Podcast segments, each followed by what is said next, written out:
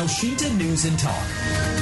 Sebanyak 289 hewan ternak terkonfirmasi positif penyakit PMK di Jawa Tengah.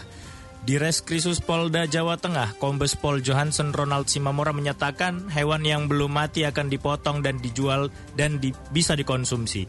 Daerah dengan tingkat kerawanan PMK akan diisolir. Apakah daging yang terkena PMK aman untuk dijual dan dikonsumsi? Kita jumpai pengamat kesehatan hewan dan dosen Fakultas Peternakan dan Pertanian Universitas Diponegoro, Dr. Hewan Fajar Wahyono MP.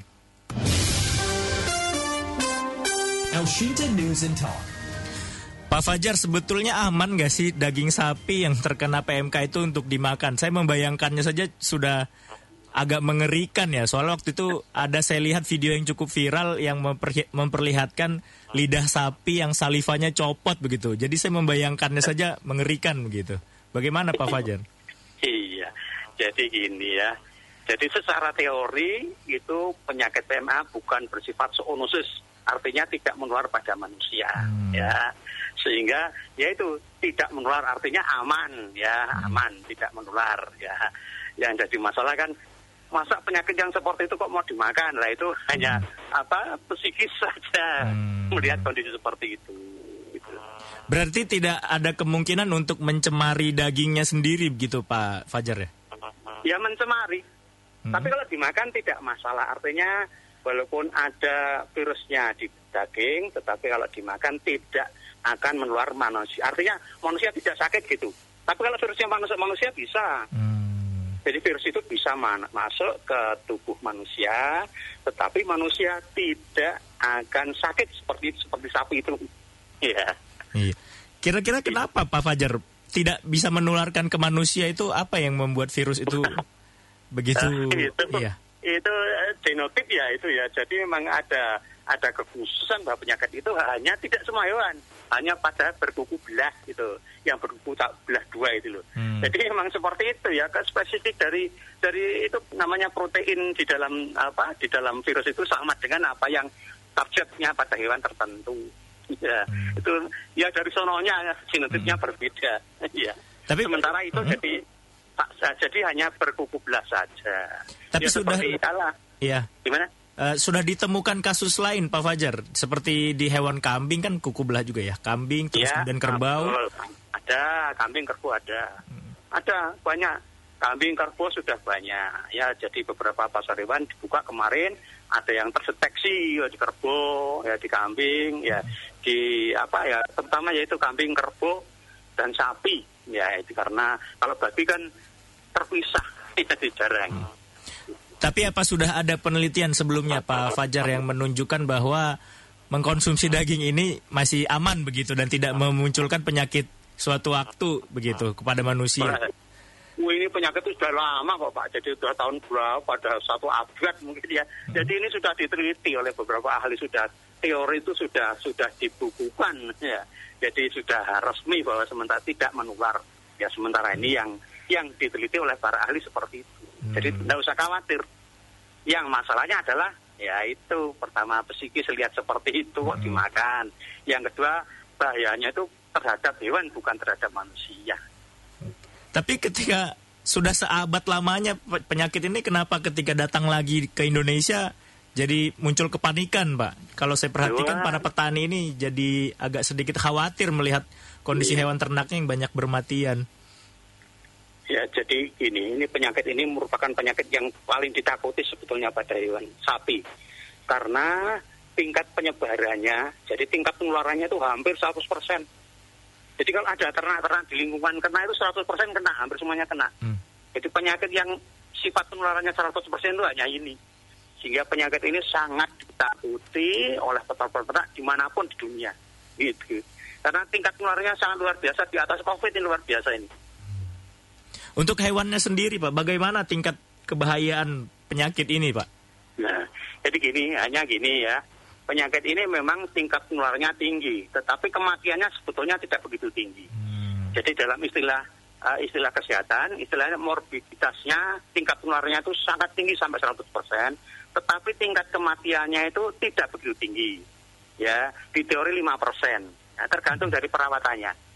Ya, jadi kematiannya tidak. Jadi hanya dia memang lepuh-lepuh seperti apa ya lumpangan di dalam uh, rongga mulut Mhm. dan kakinya sakit ya.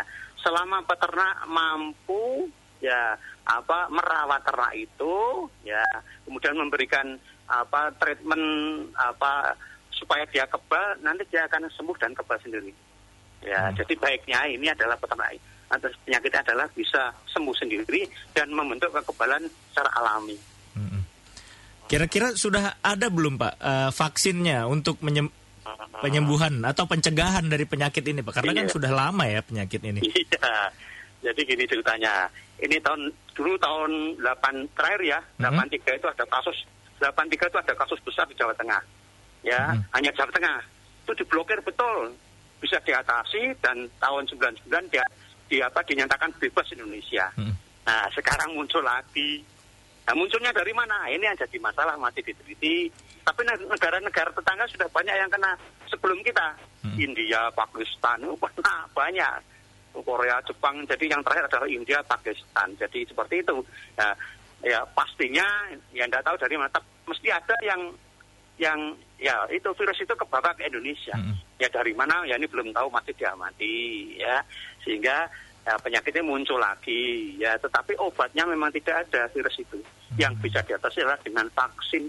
Ya alhamdulillah ini vaksinnya sudah datang, mulai datang. Gitu. Untuk eh, rekomendasi sendiri mungkin Pak ke pemerintah, apakah perlu dibuatkan kasus KLB Pak? Karena diperhatikan ini untuk Jawa Tengah saja sudah ada 289 kasus kematian ternak khusus Jawa Tengah begitu. Iya, ya memang dari beberapa daerah ini soalnya sudah sudah luar biasa, sudah eh, hanya tempo satu bulan itu dari satu tempat atau dua tempat di Aceh dan Jawa Timur sekarang sudah 16 mungkin sudah lebih provinsi sudah 384 kabupaten. Wah luar biasa. Dalam tempo satu bulan loh ya.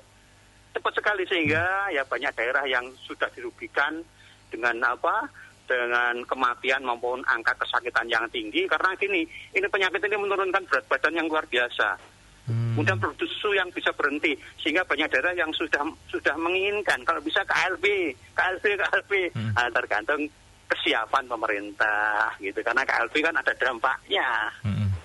kesiapan pemerintah gitu. Tapi apa tidak menjadi eh, momok begitu Pak bagi petani yang eh, eh peternak mohon maaf peternak yang banyak memiliki korban sapi ternaknya begitu karena sudah Iya. banyak mati tapi tidak kunjung ada eh, apa namanya eh, sosi- eh, apa eh, solusi yang alter, sangat Iya. alternatif dari pemerintah begitu. Iya. Iya, jadi gini, ini memang sekarang sudah kesulitan kesulitan pengadaan obat karena keterbatasan mungkin ini kan semua ini hewan besar. Ya hewan besar itu yang banyak rakyat. Yang nangani tanggung jawabnya adalah pemerintah. Ini ya. Jadi individu-individu peternak itu banyak yang tidak tahu obatnya apa, cari di mana. Sehingga di sini yang berperan betul adalah pemerintah. Pemerintah sekarang ini kelihatannya setiap daerah-daerah itu sudah kesulitan mencari obat itu. Yang penting adalah dananya sangat terbatas, ya. Sehingga pernyataan KLB itu mesti ada harus ada kesiapan dari pemerintah. Karena dengan KLB berarti dana apa taktis ya itu bisa cepat keluar ya tanpa diprogramkan keluar ini memang diharapkan seperti itu. Jadi ini memang masalah pencegahan ini termasuk dana pengadaan obat, tidak hanya obat, mestinya harus ada dana bagi siapa yang siapa yang mengerjakan pengobatan itu. Wah ini kan banyak. Jadi akan lebih lama malah Pak Fajar ya. Iya, iya. Eh, tapi vaksin sudah datang ini, alhamdulillah. Vaksin Alhamdulillah. sudah datang. Iya, Oke. Tapi melihat potensi penyebarannya yang cukup mudah begitu Pak, apa tidak iya. selayaknya sapi yang sudah terkena itu di ini Potong. saja dimusnahkan saja begitu supaya tidak Iya. terjadi penyebaran lagi gitu. Kalau Iya. kalau dikonsumsi malah takutnya manusia malah menjadi penyebarnya begitu. Iya betul. Ya ini memang anu ya, memang apa ya termasuk resiko berat karena kalau itu dipotong, yang tanggung jawab siapa? Mm-mm. Betul. Apakah pemerintah mau ganti? Ya ini wah sapi berapa mau diganti? Ini juga nanti menjadi wah menjadi sesuatu yang yang ramai karena nanti ya eh, umpamanya sakit sekali apa berat badan sudah turun. Nah saya menyatakan bahwa ini dipotong saja. Ini sesuatu yang yang ada harus apa ada aturannya. Aturan ini yang belum ada. Jadi ini memerlukan ya biaya yang besar. Ya nanti kalau KLB mungkin mungkin ada dana taktis yang Hmm. bisa digunakan untuk itu. Ya selama selama ini ya belum ada pemerintah belum berani bertanggung jawab untuk mengganti. Hmm. gitu. Tapi eh, kan ini menjelang Idul Adha juga Pak Fajar ya. Kan pasti akan Iya. banyak hewan-hewan ternak yang dipotong begitu. Apakah eh, ada dari pemerintah mungkin atau dari eh, Departemen Peternakan atau Pertanian itu sudah memberikan arahan bagi masyarakat? Iya. Mm-mm. Jadi sudah ada, jadi banyak arahan dari apa MUI juga sudah ada. Jadi prinsipnya bahwa hewan yang dipotong itu diusahakan dari daerah-daerah yang bebas, bebas apa? Bebas Hmm. PMK. Mm-mm. Yang kedua, setiap ternak yang eh, apa eh, ya dibawa ke tempat-tempat untuk pemotongan itu harus ada rekomendasi kesehatan dari dokter hewan. Ini yang penting. Hmm. Jadi ternak yang dipotong ya itu harus ada rekomendasinya surat keterangan dari dokter hewan SKH namanya Mm-mm. surat kesehatan hewan Mm-mm. ini harus ada kalau ini sampai tidak ada tidak boleh dipotong Oh. kira-kira seperti itu jadi jangan khawatir karena ini pengendalian ini uh, sudah diawasi langsung oleh dokter hewan jadi semua yang dipotong ya itu harus ada surat SKH-nya surat kesehatan hewan yang dikeluarkan oleh dokter hewan Hmm. ya sehingga ya ini termasuk suatu apa pengawasan yang yang yang sangat baik ya di lapangan nanti. Asosiasi Dokter Hewan sendiri sudah mengeluarkan rilis belum Pak Fajar untuk direkomendasikan kepada pemerintah baik pusat maupun daerah begitu Pak? Ya sudah kita kita sudah beberapa kali sudah sudah satu bulan lebih jadi beberapa kali apa mengadakan suatu pertemuan ya semuanya saling saling apa saling membantu. Jadi tidak hanya dokter Iwan perguruan perguruan tinggi pun sudah siap di Jawa Timur sudah siap hari ini turun ke lapangan tidak hanya dokter hewan tapi mahasiswa Hmm. di apa yang berhubungan dengan kesehatan hewan semuanya turun untuk melakukan vaksinasi karena harus sporadis bareng-bareng itu. Hmm. Untuk Iya. yang di kampung bagaimana nih Pak? Yang mungkin daerahnya cukup terpencil bahkan mencari dokter hewan saja susah begitu. ini yang jadi masalah Hmm. karena populasi dokter hewan itu tidak banyak ini jadi masalah. Ya ini ini ini yang menjadi pertanyaan ini. Bayangkan kalau yang motong di atas di atas di sana gunung-gunung bagaimana? Lah ini teknis teknisnya ini yang masih digodok. Ya, Hmm. yang yang SOP-nya masih digodok. Kalau sampai satu kabupaten hanya dua dokter hewan, nampaknya mampu. Betul. Iya, sangat sedikit sekali. Populasi itu sangat sedikit sehingga nanti mungkin diturunkan bukan dokter hewan tapi yang apa petugas yang berwenang gitu aja yang telah apa yang berwenang yang ditunjuk oleh ahlinya gitu Hmm. aja. Jadi mungkin ya. Terakhir mungkin Itu, ya. Pak Fajar eh, imbauan bagi pendengar masyarakat yang masih ragu untuk mengkonsumsi daging sapi. Kalau saya jujur saya masih ragu sekarang untuk konsumsi daging sapi bagaimanapun bentuknya karena membayangkan hal itu tadi. Gimana Pak? Ya, Ya gini. Jadi konsumen itu pertama tidak usah takut secara teori sudah berlangsung lama dan sampai sekarang tidak ada sanggahan bahwa itu tidak solus. Artinya tidak menular pada manusia.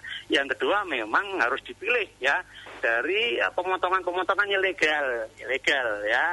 Jadi dilihat yang legal. Kalau legal itu berarti pemotongan itu di bawah pengawasan pengawasan ahli ya baik itu dokter hewan maupun namanya kenmaster yang ahli itu sehingga kalau itu daging-daging yang resmi dari pemotongan resmi itu tidak masalah yang khawatir gini memang tadi saya sampaikan yang disampaikan bahwa itu kalau ternak yang sakit terpaksa dipotong terus dijual dagingnya gimana Hmm. Itu yang jadi masalah Hmm. nah, sehingga ya membelilah ya dah, dari eh, tempat lokasi pembelian atau pasar yang resmi. Hmm. Yang kedua gini supaya menghindari bahwa itu sebenarnya daging bagus apa tidak tidak masalah yang penting daging itu kalau datang langsung dimasukkan ke eh, apa panci panas gitu yang air panas. Jangan dicuci. Ya jangan dicuci ya. Jadi daging itu langsung dimasukkan ke tempat panas ya ta. Kira-kira suhunya ya 60 derajat selama 30 menit. Setelah itu baru dimatikan. Sudah bebas. Virus. Ya. Gitu ya. Ya Ya. dan satu Hmm. lagi ya tempatnya bawa tempatnya bungkus daging itu Harus rapi ya. ya, dibuang yang benar. Hmm. nanti itu menular tuh Iya. baik. Ya, jangan khawatir. Selama pembelian di tempat yang benar dan Hmm. terpaksa kalau tidak tahu memberikan apa treatment pengolahan yang benar. Hmm. Baik, terima kasih banyak Pak Iya. Fajar atas kesempatan siang hari ini. Semoga kasus ini segera ter- lekas tertangani, Pak ya. Insya Allah, insya Allah. Kasihan juga ini para peternak yang banyak korbannya. Baik, terima kasih banyak Pak Fajar. Selamat siang, selamat melanjutkan aktivitas. Terima kasih sama-sama. Demikian pendengar, hasil wawancara kami bersama pengamat kesehatan hewan dan dosen Fakultas Peternakan dan Pertanian Universitas Diponegoro Dr. Hewan Fajar Wahyono MP.